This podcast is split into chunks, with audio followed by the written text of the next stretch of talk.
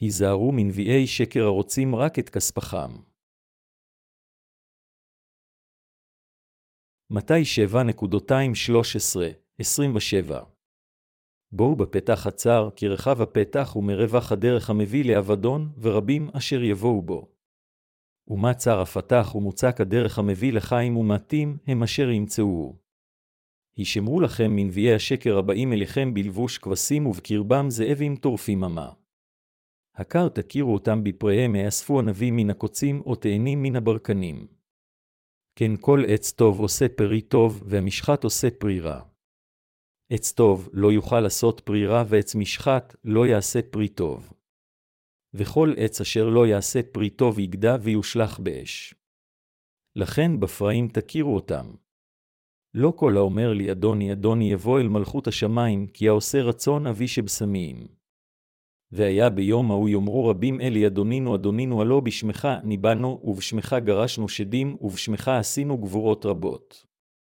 אז אענה בם לאמור מעולם לא ידעתי אתכם סורי ממני פועלי אבן. לכן כל השומע את דברי אלה, ועשה אותם אדם ההוא לאיש חכם אשר בנה את ביתו על הסלע.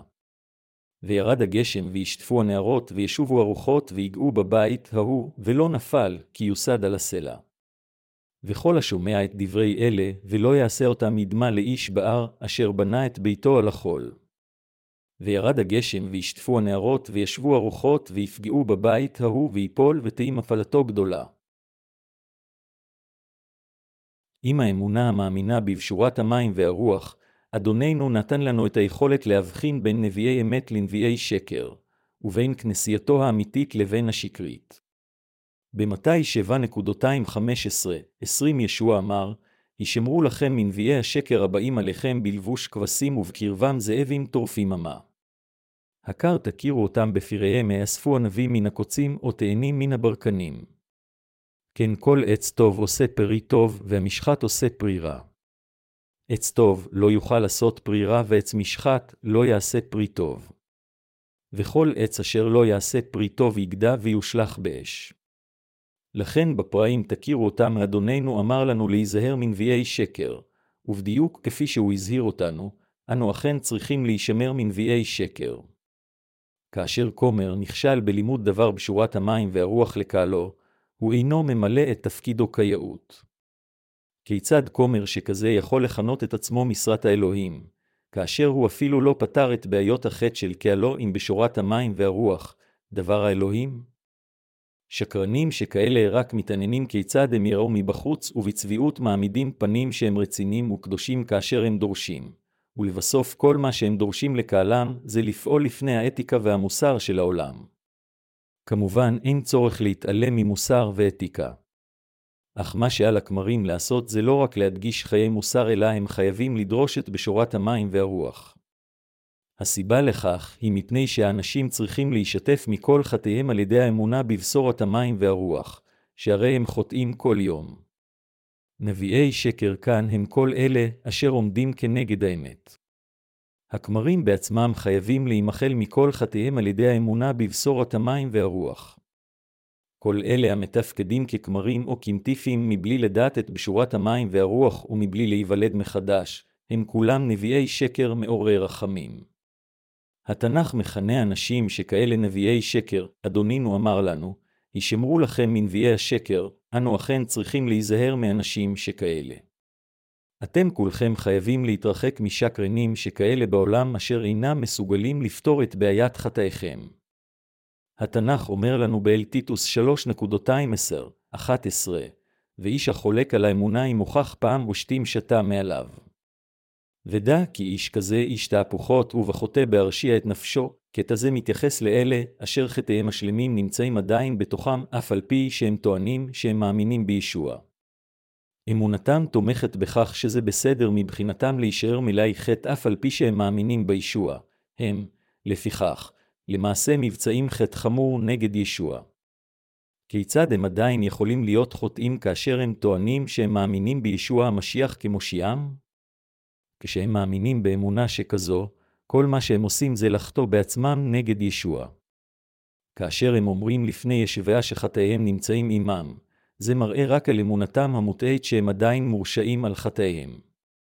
אך הם חושבים שלהחשיב את עצמם כחוטאים לפני אלוהים זוהי הדרך הנכונה להאמין.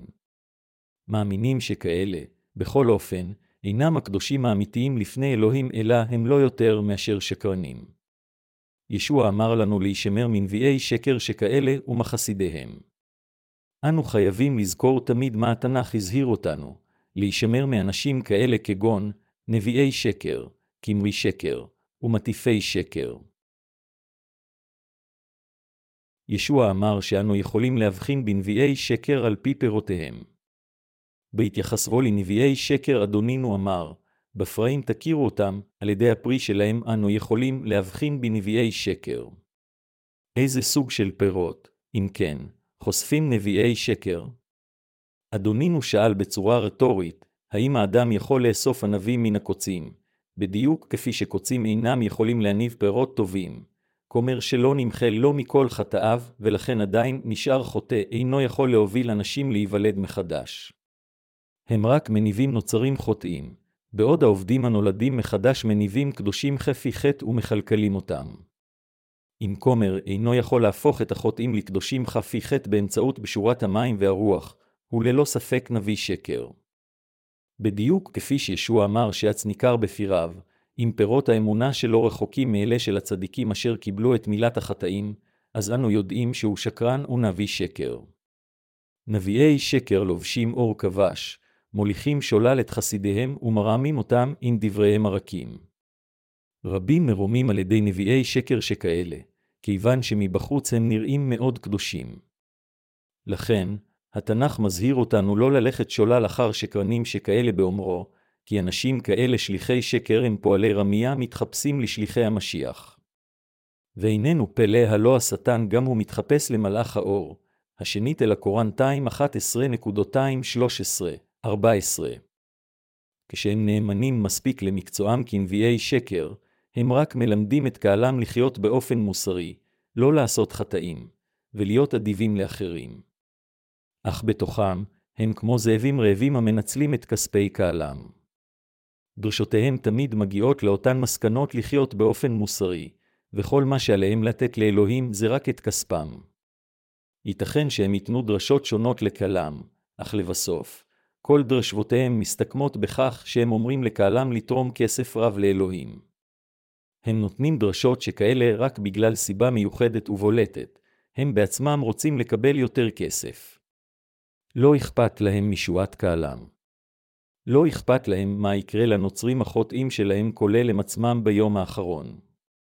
הם לא רוצים להאזין לנו, ולא משנה עד כמה בלהט ניסנו לחלוק את הבשורה האמיתית של המים והרוח איתם.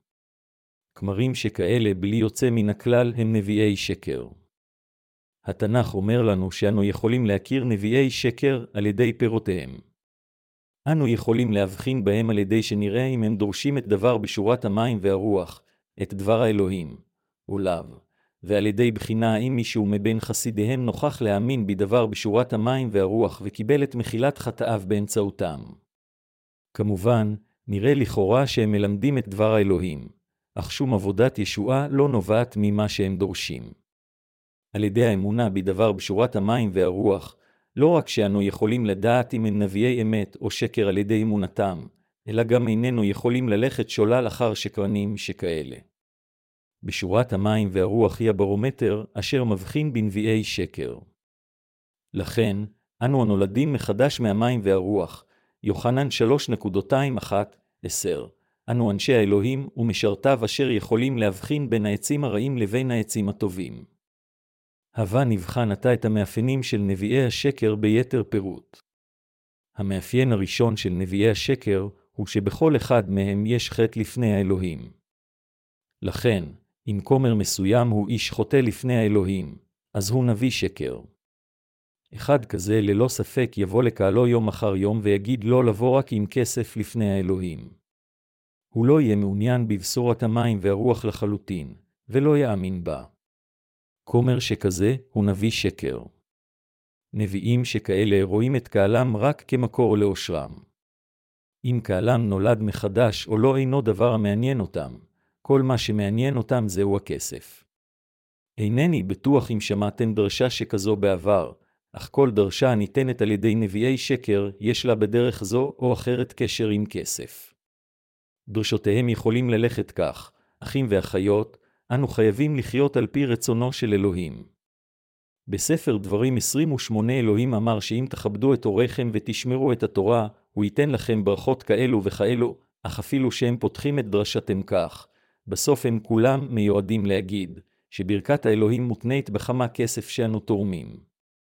אך זוהי אינה הדרך בשבילנו לקבל ברכות שמימיות וארציות מאלוהים.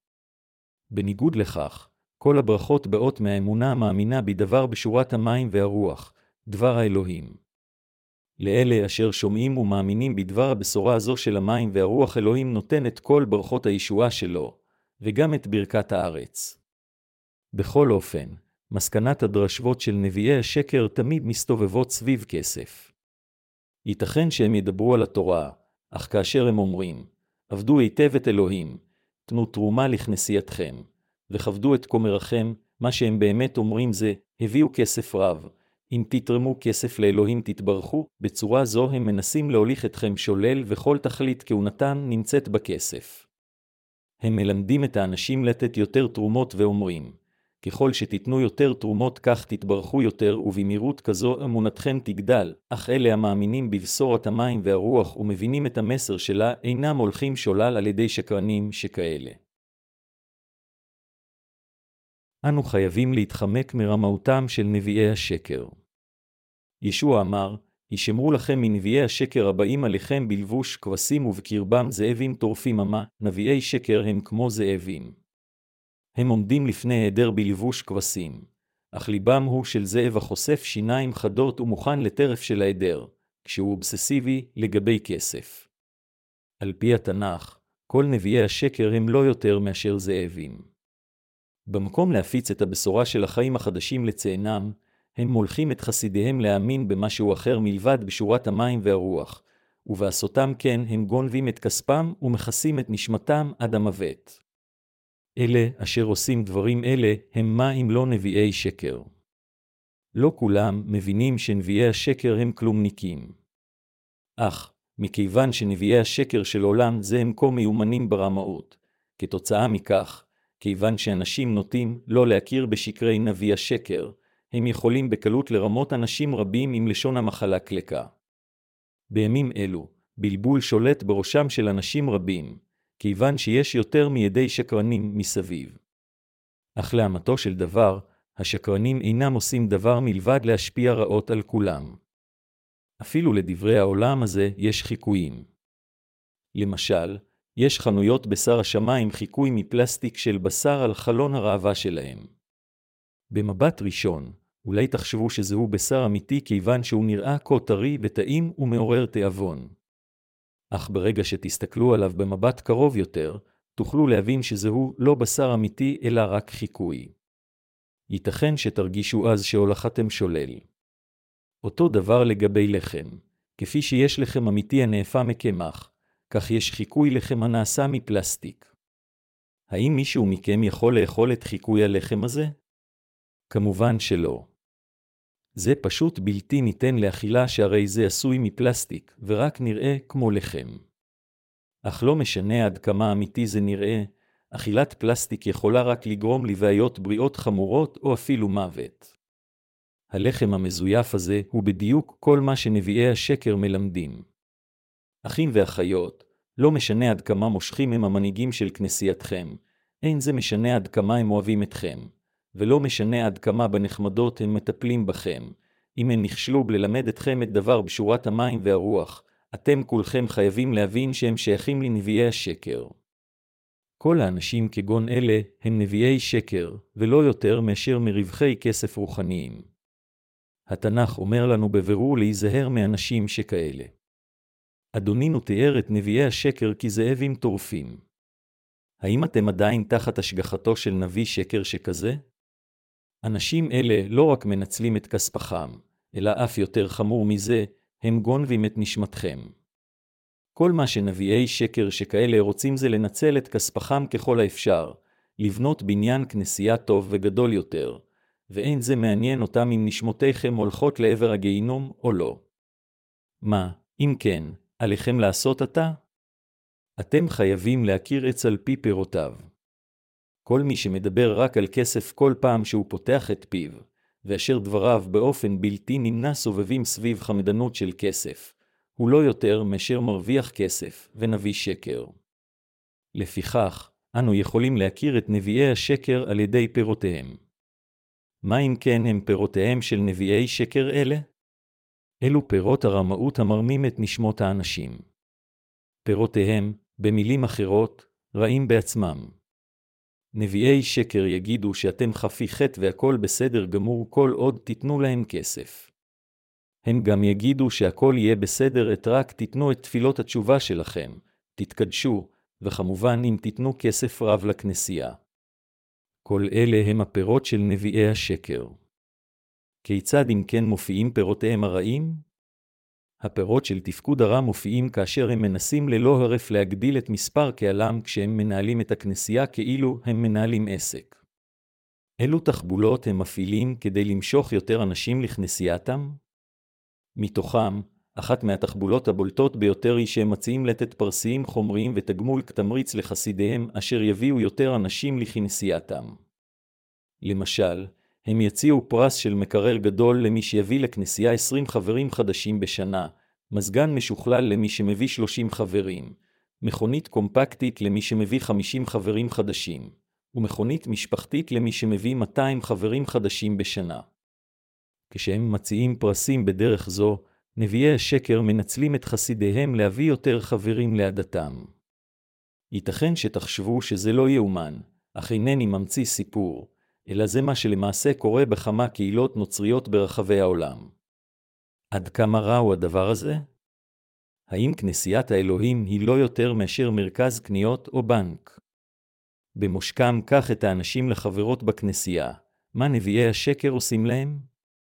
אלוהים יישר אותם כאשר הם ילמדו את בשורת המים והרוח ויעזרו לחסידיהם לקבל את מחילת החטאים, אך אנו יכולים לראות ברורות שהכסף הוא העניין העיקרי שלהם. אז עתה, כאשר נביאי השקר משכו נשמות אל כנסיותיהם, כיצד אם כן הם דורשים להם? ישוע אוהב אתכם. במקרא, אתם אשר באתם לכנסייתנו בפעם הראשונה, ניתן לכם פרס אישי מפואר לכל אחות, ולכל אח ניתן מטריה גדולה כך שהוא יוכל להשתמש בה עם חברתו, הם מחשבים שאם חברים חדשים יבואו לכנסייתם בגלל פרסים שכאלה ולבסוף יהיו כמרים בדרגה נמוכה או ותיקים, אפילו אם אינם יודעים את בשורת המים והרוח, וימלאו את קופת הכנסייה עם כל סוגי התרומות, מתרומת מעשר ועד תרומה של חג ההודיה, מתרומה זו ועד התרומה ההיא, עד ליום שהם ימותו, במאזן הכללי, זה יהיה באופן יוצא מן הכלל רווחי. לנביאי שקר שכאלה ההשקעה הקטנה של היום תתורגם ביעילות לרווח עצום, אם היו אמורים באיזה מובן להפסיד, אין סיכוי שהם היו עושים זאת. מתוך, נניח, 500 חברים חדשים שכאלה, אפילו אם רק 10% מהם יישארו בסביבה, זה עדיין רווחי בהחלט בהתחשב בכך ש-50 החברים האלה ימלאו את קופת הכנסייה במשך כל חייהם.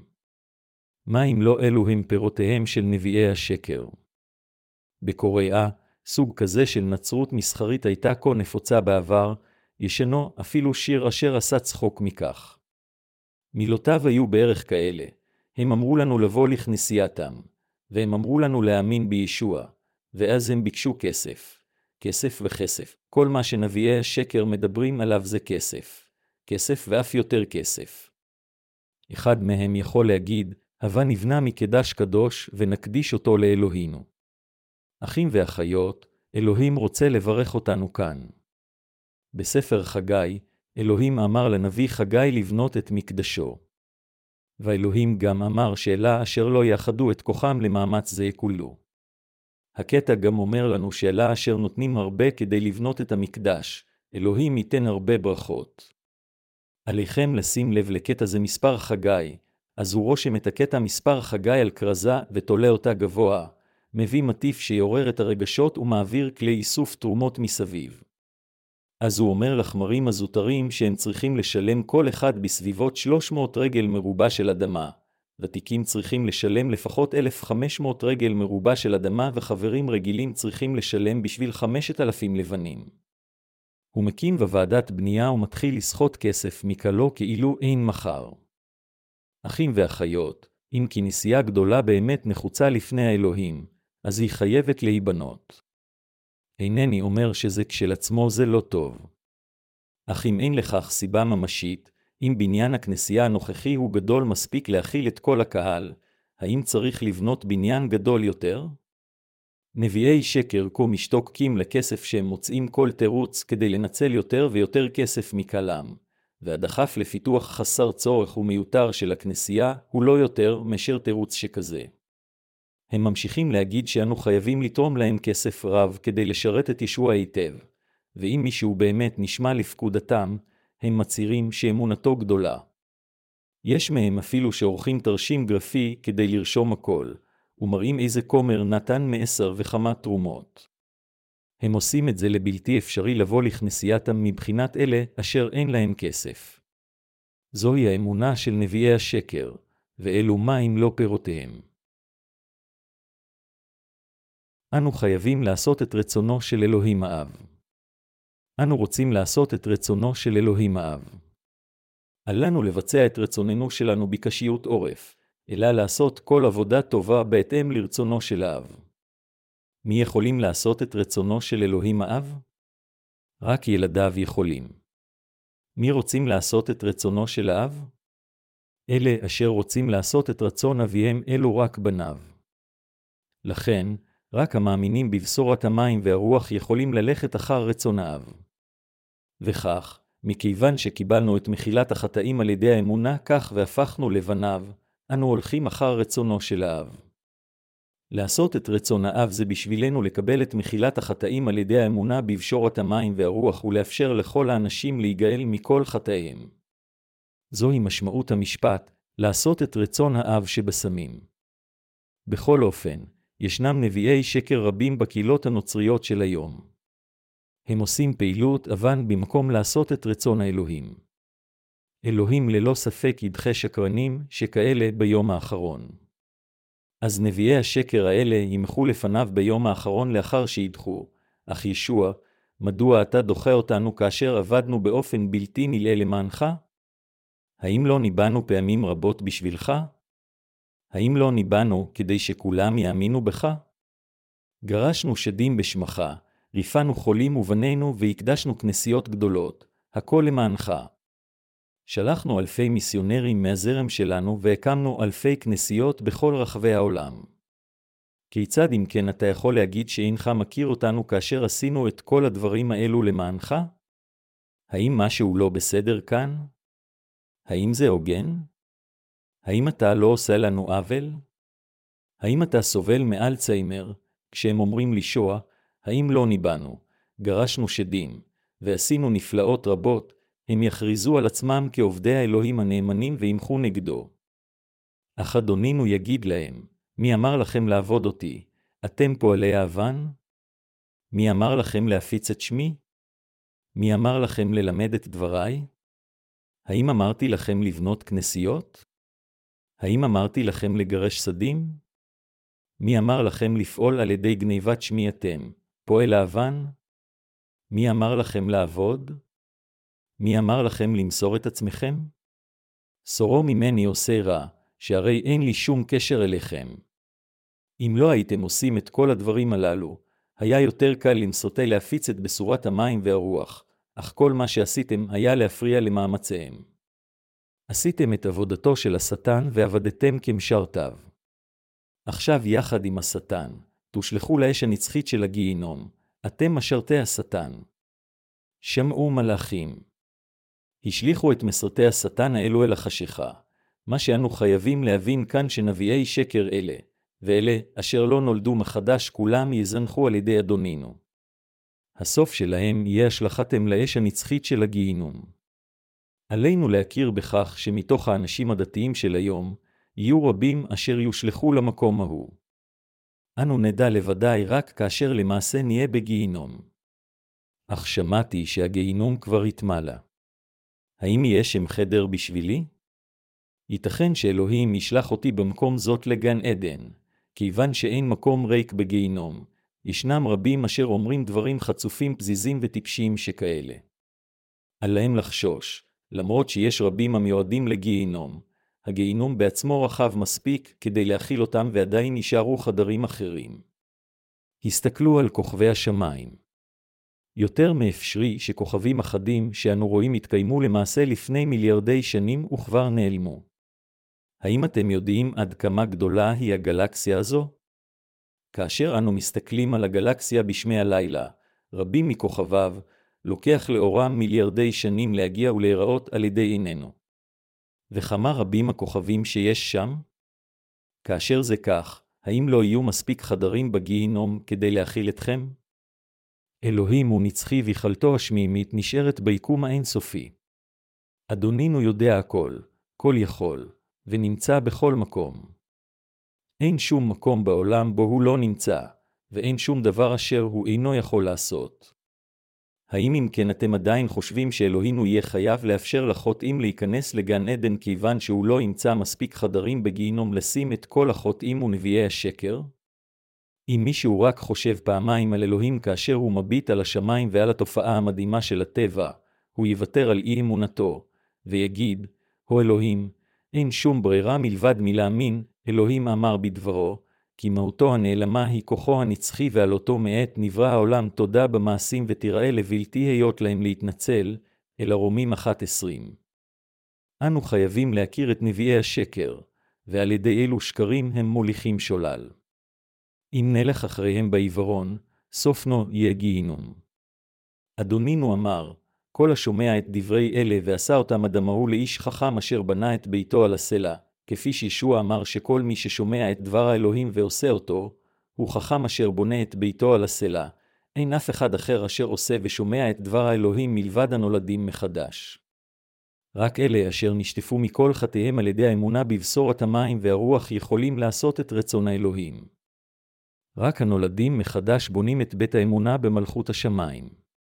על ידי האמונה בדבר הבשורה של המים והרוח והמידה האיתנה על דברו, עם אמונה זו, אנו כולנו בונים את בית האמונה שלנו.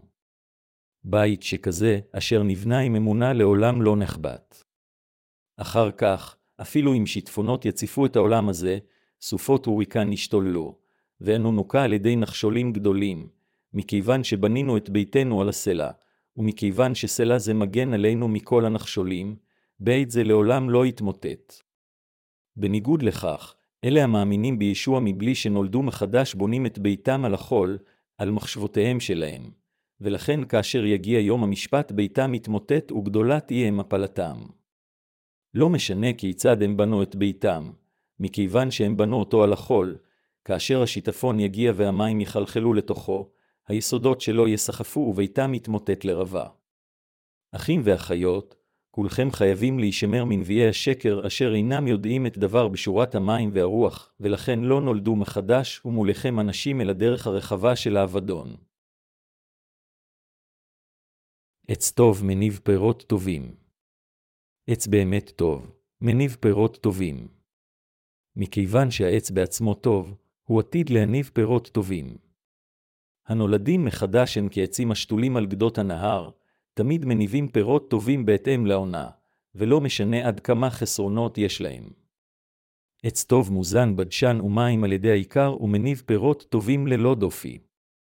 זה לא כל כך מכיוון שהצדיקים רוצים להניב פירות טובים, אלא זה מכיוון שהם שומעים את דבר האלוהים ומאמינים בו שהם מניבים את פירות צדקתו. רק מהצדיקים הפירות הטובים באים. כל עץ טוב מניב פירות טובים. מה, אם כן, לגביכם? האם אתם מבחינה רוחנית עצים טובים? האם הפכתם לאנשי האלוהים אשר קיבלו את מחילת החטאים על ידי האמונה בבשורת המים והרוח? האם נושעתם מכל חטאיכם על ידי האמונה בבשורה זו של המים והרוח, והאם על ידי כך הפכתם לצדיקים? רק הצדיקים הם קדושים באמת לפני אלוהים. רק המאמינים בבשורת המים והרוח יכולים להפוך למסרטי האלוהים. בדיוק כפי שישוע אמר שעץ מוכר על ידי פירותיו הרוחניים. כל אלה אשר ממשיכים לדבר רק על כסף הם נביאי שקר. אך אלה המלמדים את בשורת המים והרוח ומניבים את פירות הצדיקות הם נביאי אמת.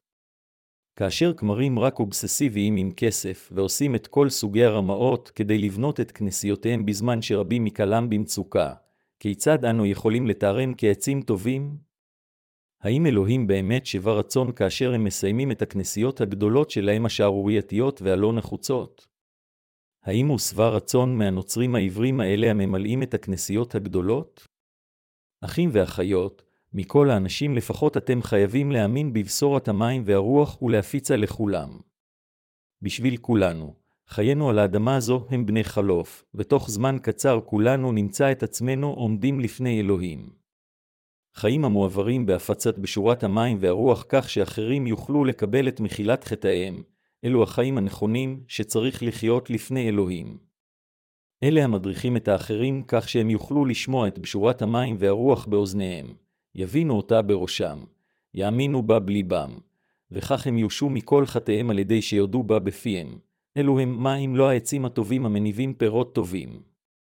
בתקופה זו ובזמן זה, כולנו חייבים להפיץ את בשורת המים והרוח, דבר האלוהים, לכולם בעולם הזה. אנו חייבים ללמד אחרים מי הם באמת נביאי השקר. לאחרונה, אנו מפיצים את עיתון הבשורה שלנו, ואנו מקבלים תכופות טלפונים מקוראינו המבקשים מאיתנו ללמדם מי הם נביאי השקר. בשבילנו להפיץ את בשורת המים והרוח זה כמו למסור אותם לאלוהים ממעשה הניצול של השקרנים. אנו חייבים ללמד את כולם מי הם השקרנים ומהי האמונה האמיתית, ולהשמיע להם את הבשורה האמיתית של המים והרוח כך שכל מי שיאמין יבשה מחטאיו. מה שאנו חייבים להבין זה שהדרך הצרה, הדרך הקשה, היא הדרך המובילה אותנו לחיים. אך אין אנשים רבים המתדפקים על הפתח הצר של החיים ומחפשים אותו. עדיין, אנו חייבים להמשיך להפיץ את בשורת האמת של המים והרוח לכולם. כמו כן, אנו חייבים להזהיר את כל אלה ההולכים לעבר חורבנם ואשר מרומים עתה על ידי נביאי השקר. זה מה שאתם ואני, אנו המאמינים בבשורת המים והרוח, חייבים לעשות.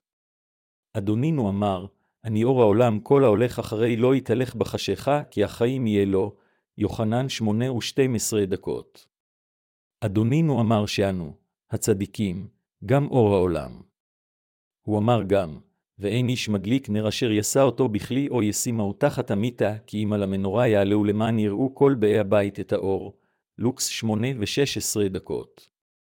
אנו חייבים להאיר את אור האמונה היודעת ומאמינה בבשורת המים והרוח כך שכל מי שיראה את האור, יבוא אליו, וגם לא יהיה מאור. למסקנה, הרשו לי לחזור שוב על עיקרי האזהרה אשר הזהרתי את כולכם. בתקופה של סוף הזמנים האלה, אנו חייבים למלא את חובותינו להפיץ את בשורת המים והרוח. אנו חייבים למלא את תפקידנו להפיץ את בשורת המים והרוח. אנו חייבים לעשות את רצונו של אלוהים האב ברציפות, לא משנה עד כמה קשה מצבנו. ככל שעולם זה נעשה חשוך יותר, אנו חייבים להפיץ את הבשורה הזו, כיוון שבמשך סוף הזמנים האלה ישנם אף יותר אנשים אשר אנו חייבים לגאול מחטאי העולם ומנביאי השקר. אם כן, הווה כולנו, נמשיך לזרוע את זרעי בשורת המים והרוח אפילו יותר בנחישות ובמסירות.